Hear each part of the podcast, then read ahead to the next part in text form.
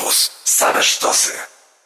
Róża Wiatrów. Audycja o stosunkach międzynarodowych. Przy mikrofonie Marcin Łuniewski, a e, moim i waszym gościem jest Rafał Tomański, dziennikarz Gazety Wyborczej, mm, ekspert do spraw e, Japonii, szerzej też ekspert do spraw Azji. Witam serdecznie, Rafale. Dzień dobry, witaj. E, I właśnie tak szerzej, bo dzisiaj nie o Japonii, tylko o Hongkongu będziemy mówili, bo od końca zeszłego roku na ulicach Hongkongu panował względny spokój. Było to związane głównie z pandemią e, koronawirusa, jednak teraz region znów zaczyna być świadkiem masowych antyrządowych protestów. W ostatni weekend policja aresztowała co najmniej 180 osób. Impulsem do, do tych demonstracji były przyjęte przez chiński parlament nowe przepisy bezpieczeństwa. Co one zakładają, Rafale? Dlaczego akurat te przepisy spowodowały taki e, powrót ludzi na ulicę, bo przypomnijmy, w zeszłym roku masowe demonstracje, setki tysięcy ludzi, mówiło się nawet o milionie ludzi na, e, na ulicach i to było spowodowane e, propozycją, żeby w Hongkongu obowiązywało prawo ekstradycyjne, czyli żeby mieszkańców Hongkongu można było aresztować i wysłać do Chin, postawić przed chińskim sądem. Teraz wydaje się, że tą, tą, tą iskrą są właśnie przepisy e, bezpieczeństwa. O co chodzi, dlaczego, dlaczego e, one tak rozłościły mieszkańców regionu? Już tłumaczę o co chodzi. Bardzo dobrze, że wspomniałeś tą e, przyczynę, od której zaczęły się protesty na ulicach Hongkongu w poprzednim roku, no bo 9 czerwca ludzie wyszli na ulicę protestując i potem to trwało i trwało i trwało. I naprawdę tylko wirus spowodował niewielką przerwę. Y, wyszli nie bez powodu, no bo protestowali przeciwko czemuś. I właśnie tym powodem było to, o czym powiedziałeś, czyli strach przed chińskim wymiarem sądownictwa, bo miała się zmienić ustawa o ekstradycji i miało być łatwiej Chinom kontynentalnym, czyli tym większym, wyciągać ludzi, no teoretycznie tych, którzy mają konflikt z prawem, mieli konflikt z prawem, do tego, żeby prowadzić ich procesy właśnie na terenie większych Chin. Środowiska prodemokratyczne bały się, że to będzie sposób, żeby się ich pozbywać, że po prostu w tą studnię chińskich sądów wpadałoby się bez dna i, i tyle, i ślad po człowieku by ginął.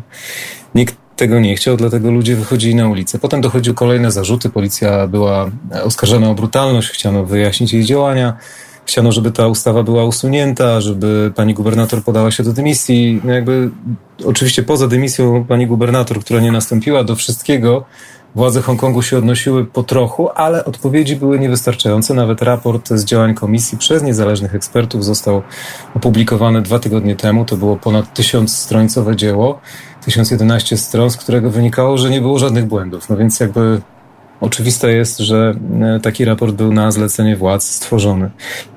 Poza tym też w międzyczasie nawet ci zagraniczni eksperci się wycofywali z prac, bo nie chcieli mieć e, pisanymi pod czymś takim. To był powód. Natomiast teraz jesteśmy w sytuacji, w której trochę wybuchła bomba, bo spodziewaliśmy się sesji odpowie chińskiego odpowiednika parlamentu. To są takie dwa ciała NPC, które National People Congress, które jest porównywane do Senatu, powiedzmy, tak no, dalekie porównanie, no ale jak mamy sobie wyobrażać, to powiedzmy. I drugie ciało, CPPCC, czyli Ogólnochińskie Zgromadzenie Przedstawicieli Ludowych, e, odpowiednik Sejmu. No i oczywiście oni zgłaszają wiele projektów, wiele set, wiele set e, projektów, czasem kilka tysięcy na takich dorocznych sesjach.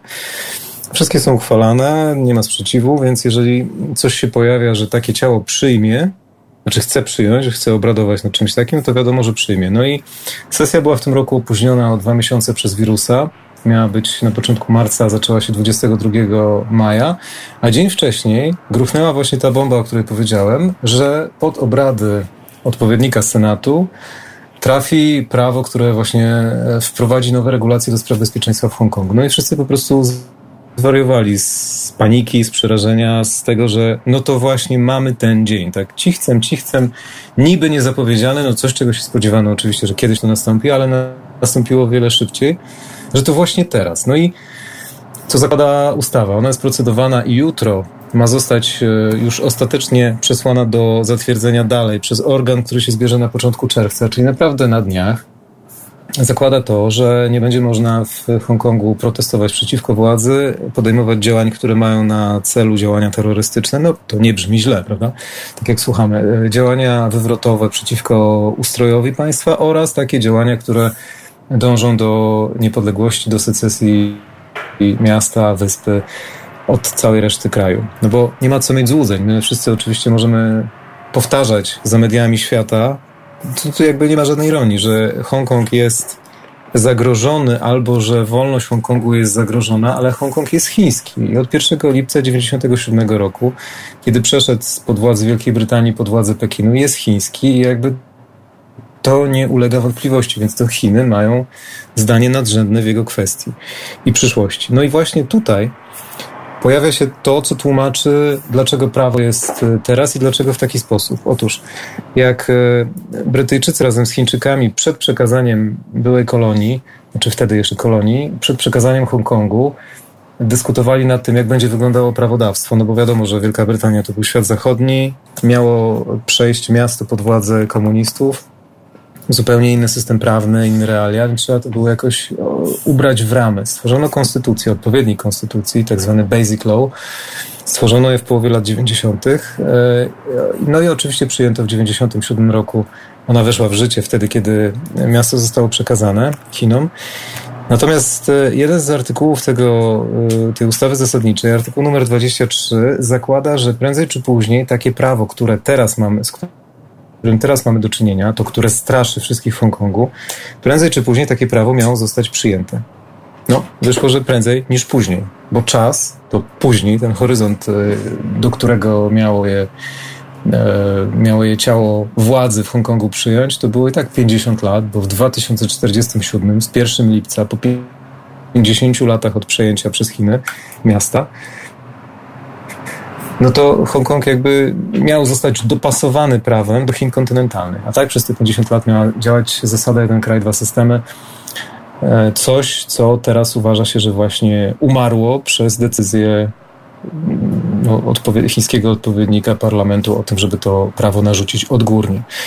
Pekin broni się, e, jakby, znaczy broni się, Pekin się nie broni, to przede wszystkim, bo to taka nasza retoryka. Mhm. Pekin twierdzi, że po pierwsze nikt nie ma prawa się wtrącać w sprawy Hongkongu, bo to nie ich sprawa. Hongkong jest chiński, Chiny są samostanowiące o sobie, więc tak w skrócie nikomu nic do tego.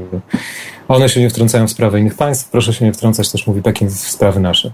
Hongkong jest sprawą naszą. I e, ponieważ od 9 czerwca, czyli od ponad pół roku trwało, już prawie, znaczy od ponad pół roku, jakbyśmy byli na początku 2020, ale już tak, teraz prawie rok. Pod koniec maja. E, no więc właśnie, za chwilkę, 9 czerwca, będziemy mieli rok od pierwszej demonstracji, która rozpoczęła tą obecną fazę protestów w Hongkongu. Więc y, po niemal roku, naprawdę z krótką przerwą na koronawirusa, kiedy nie można było wychodzić na ulicę, dalej nie można, ale oczywiście już zagrożenie jest mniejsze, E, przez prawie rok e, ludzie cały czas demonstrowali, chodzili przez trochę, przez kilkanaście tygodni pokojowo, ale potem zaczęli się regularnie ścierać z policją. Nie wszyscy oczywiście, bo chodziły setki tysięcy, dziesiątki tysięcy, ale tych takich najbardziej skorych do bitki było kilkadziesiąt, czasem kilkaset osób. To byli tak zwani na czarno poubierani protestujący, młodzi ludzie, którzy byli określani przez Pekin jako ta część wywrotowa i terroryści.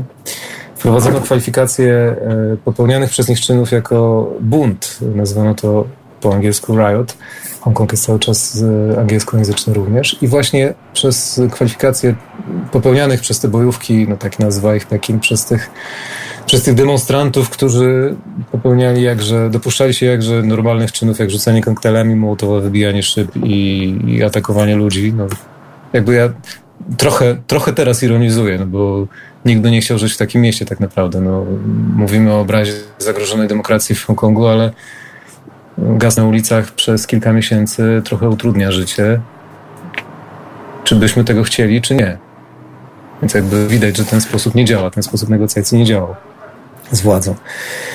E, więc właśnie za taki bunt zaczęli ludzie być sądzeni teraz. I na, e, równocześnie w tym samym dniu, kiedy policja opublikowała raport oceniający jej pracę, znaczy to, to niezależne ciało opublikowało raport oceniający dzia, działania policji w Hongkongu, e, zapadł także pierwszy wyrok za udział w buncie na ulicach Hongkongu. To dotyczyło dnia 12 czerwca, czyli trzy dni po pierwszej demonstracji sprzed roku, wtedy, kiedy zaczęto blokować e, legislatywę, tak zwany Legislative Council, nazywany w Hongkongu w skrócie LECHCO.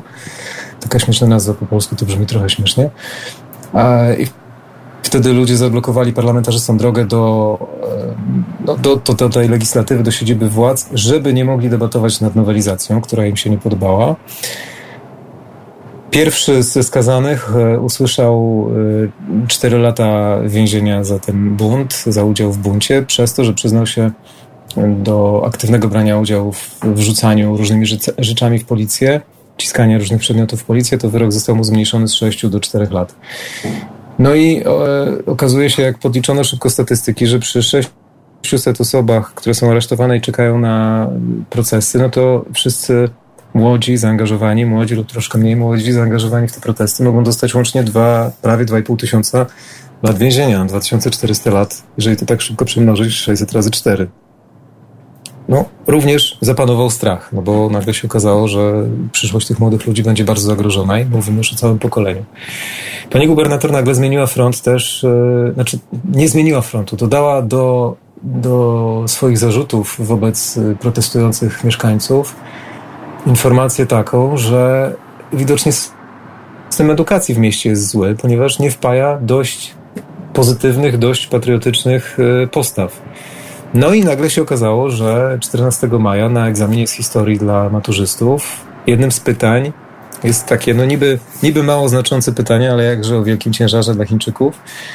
Czy uważasz, że jak oceniasz działania Japonii wobec Chin w latach 1900 do 1945? Czy zrobiły Chinom więcej, przyniosły Chinom więcej korzyści, czy strat, czy nie, niekorzyści?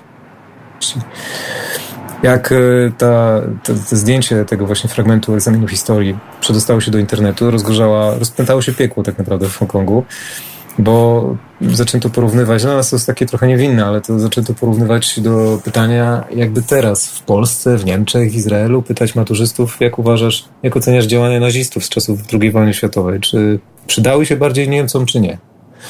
Tam jeszcze ilustracją, bo to było takie pytanie opisowe na podstawie dwóch fragmentów, tak jak u nas na maturze. Ilustracją e, do tego pytania o działalność Japonii. Japonia jest znienawidzona za to, co zrobiła podczas wojny w Chinach. E, ilustracją do tego były takie dwa obszerne fragmenty, które pokazywały dobrą stronę działania Japonii E, której to, do której to młodzi Chińczycy, wtedy młode, młode przyszłe elity Chin jeździły uczyć się prawodawstwa, e, działania systemów pseudozachodnich, bo wtedy Japonia już była otwarta przez Rafale, wieku. Gościem e, w dzisiejszej Róży Wiatrów jest Rafał Tomański, e, dziennikarz Gazety Wyborczej, ekspert do spraw e, azjatyckich, a rozmawiamy o Hongkongu. Temat Hongkongu wrócił, przycichł na chwilę temat protestów przez pandemię koronawirusa. Protesty zaczynają się na nowo. W, teraz w maju impulsem do demonstracji są przepisy bezpieczeństwa, nad którymi pracuje chiński odpowiednik chińskiego Senatu i chińskiego parlamentu.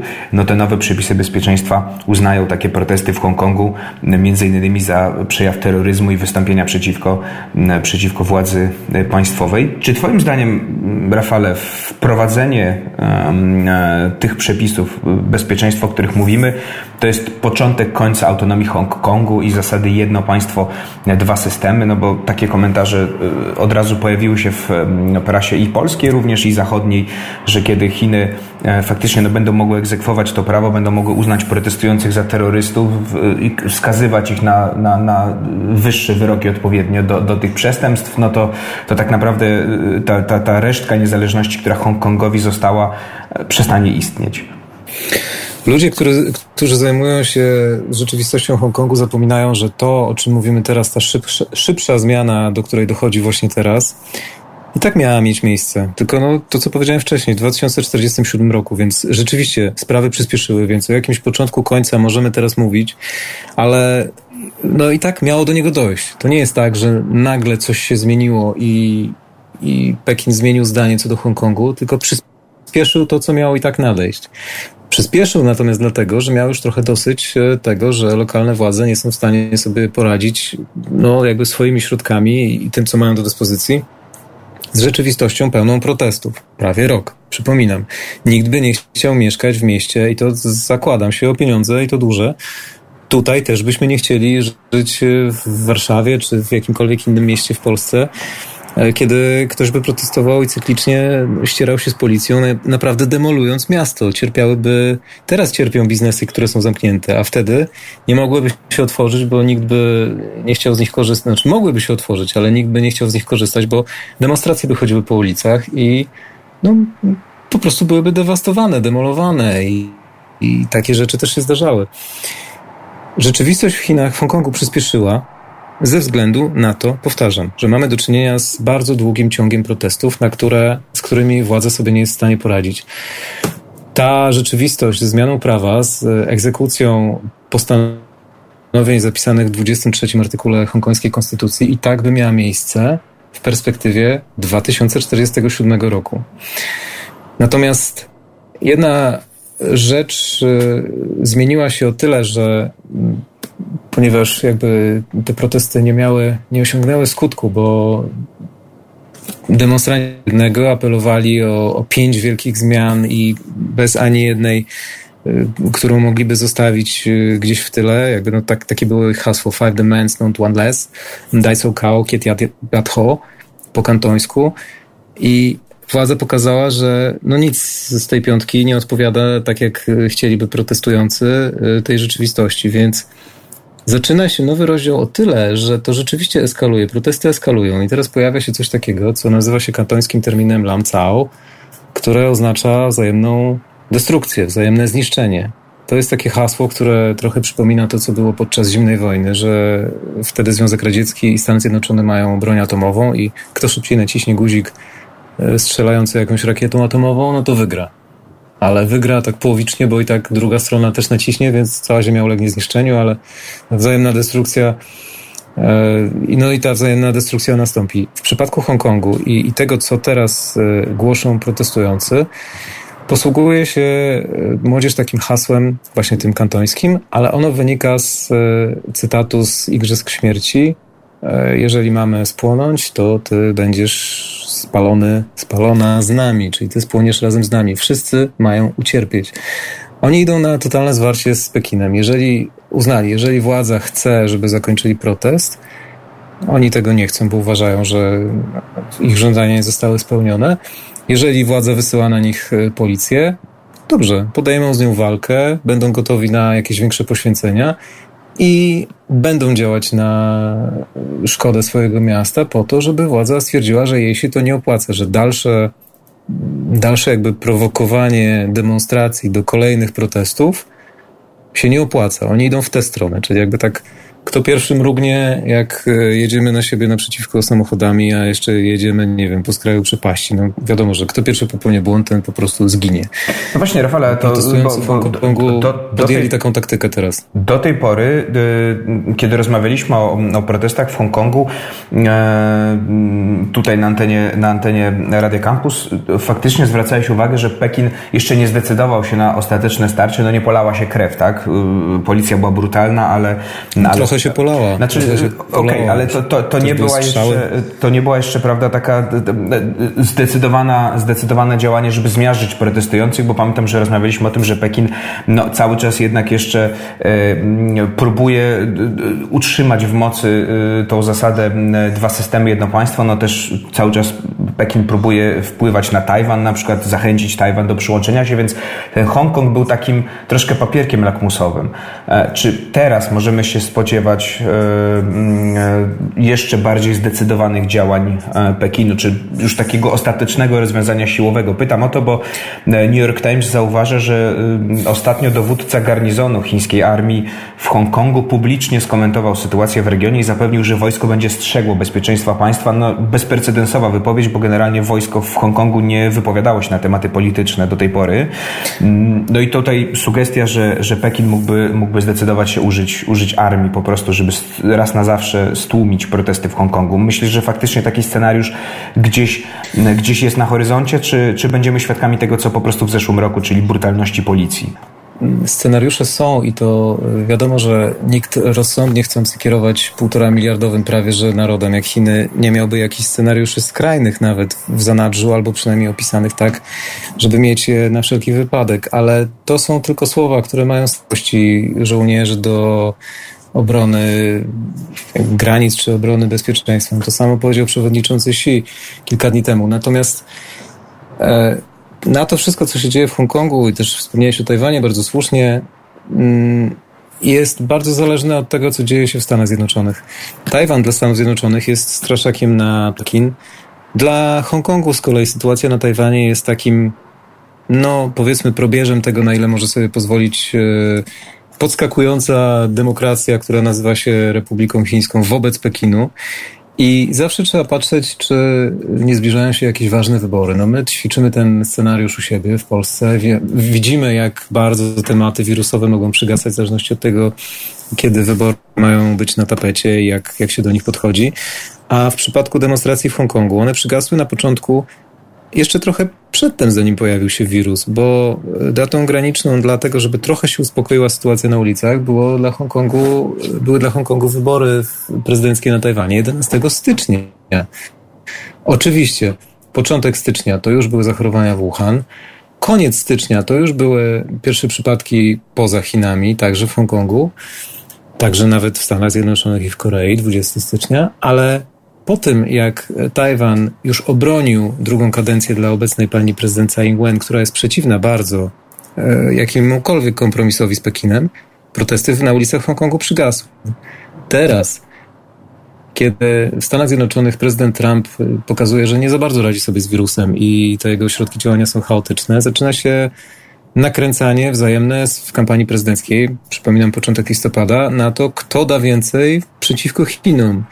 I Joe Biden, czyli główny kandydat przeciwny Trumpowi demokrata, już jest nazywany przez niego nie tylko Sleepy Joe, czyli ten, który wiecznie tam leniuch, śpiący e, Joe, ale już Beijing Biden, czyli po prostu pekiński Biden, bo e, strategią dla Trumpa jest pokazanie, że demokracja przepraszam, że demokraci, jego przeciwnicy polityczni będą się z Chinami układać, a on jako jedyny szeryf, sprawiedliwy cowboy po prostu wymiecie te wszystkie złe macki Pekinu. Nigdy nie ma jednej rzeczywistości i nigdy nie można patrzeć na, na politykę międzynarodową tak, że tylko jedni są źli, a drudzy dobrzy. To jest trzecia i ostatnia część Róży Wiatrów. Moim i waszym gościem Rafał Tomański, Gazeta Wyborcza, ekspert do spraw um, Azji, a my rozmawiamy o Hongkongu, w którym ostatnim czasie, w ostatnim czasie panował względny spokój. No było to spowodowane głównie pandemią koronawirusa. Jednak teraz region znów zaczyna być świadkiem masowych antyrządowych protestów, które na razie jeszcze nie są tak gwałtowne jak te w zeszłym roku, ale prawdopodobnie takie będą. Impulsem do tych demonstracji było, czy są opracowywane przez chiński parlament i chiński senat nowe przepisy bezpieczeństwa, które mają również obowiązywać w Hongkongu.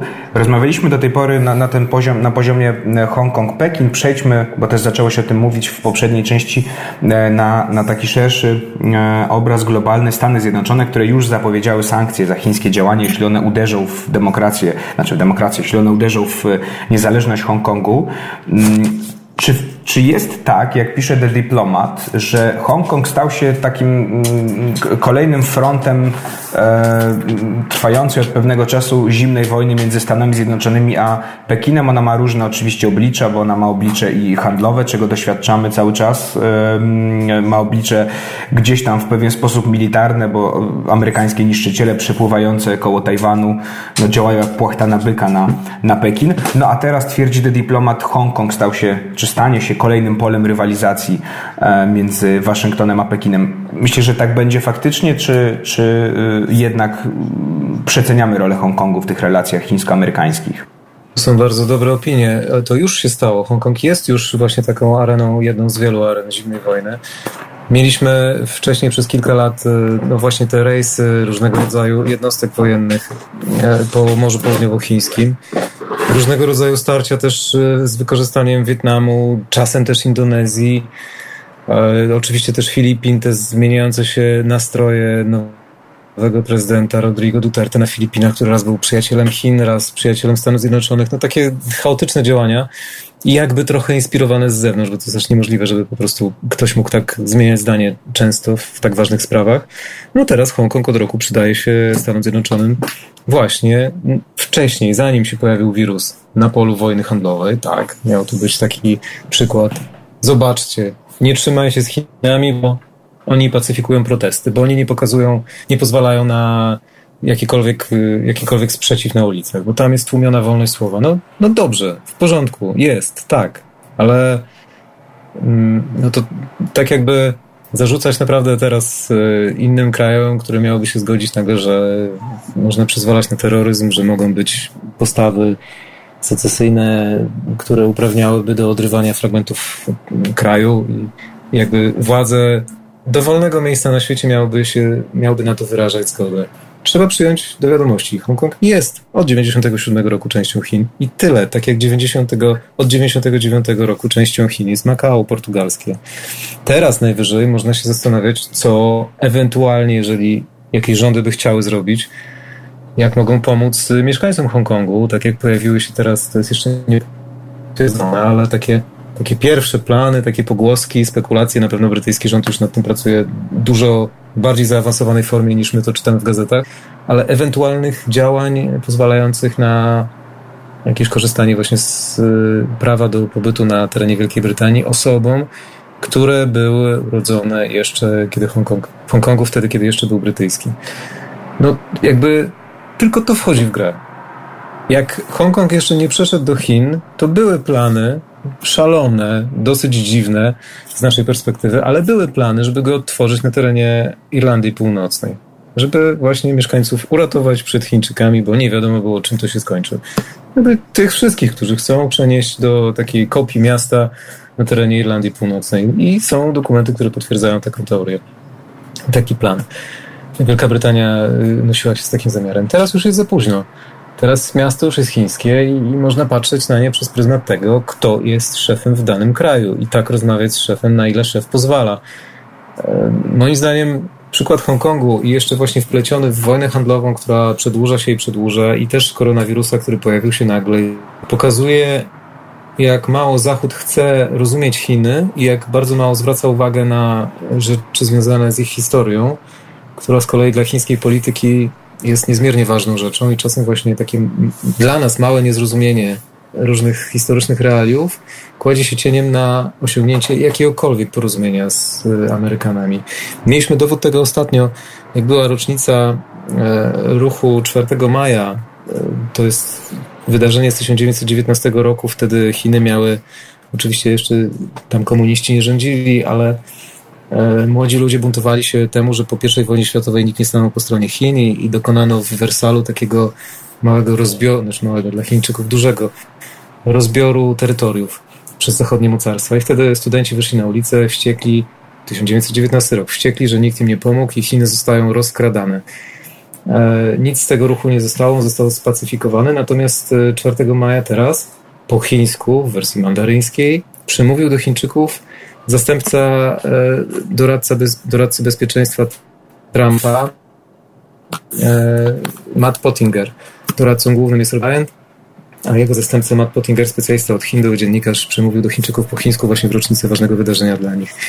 I ja wiem, i ludzie, którzy interesują się kulturą chińską, jak wiele pracy wymagało od tego doradcy przygotowanie czegoś takiego, wygłoszenie tego po chińsku i w ogóle jeszcze zrozumienie chińskich realiów. Natomiast ponieważ Waszyngton kompletnie ignoruje to, co mówi Pekin, no to cały ten trud włożony w wyciągnięcie ręki, całkiem poważne wyciągnięcie ręki, e, jest e, uznany za nic przez Chiny. I całe wystąpienie właśnie tak skrojone, dopasowane pod Chińczyków zostało uznane za akt no, graniczący z wrogością. I tutaj kropkę I to pokazuje właśnie, że naprawdę stawiamy Oczywiście, dobrze. To, że obie strony, tak. To ja już kończę. Tutaj stawiamy Trzeba kropkę. chcieć się zrozumieć po prostu, o tak. Rafał Tomański, Gazeta Wyborcza, ekspert do spraw Azji. Rozmawialiśmy o Hongkongu, trochę szerzej teraz o relacjach również Stany Zjednoczone, Chiny w kontekście Hongkongu. Dziękuję Ci bardzo, Rafale, za rozmowę. Dziękuję bardzo. To była Róża Wiatrów, Marcin Uniewski przy mikrofonie, a my się słyszymy w środę za tydzień.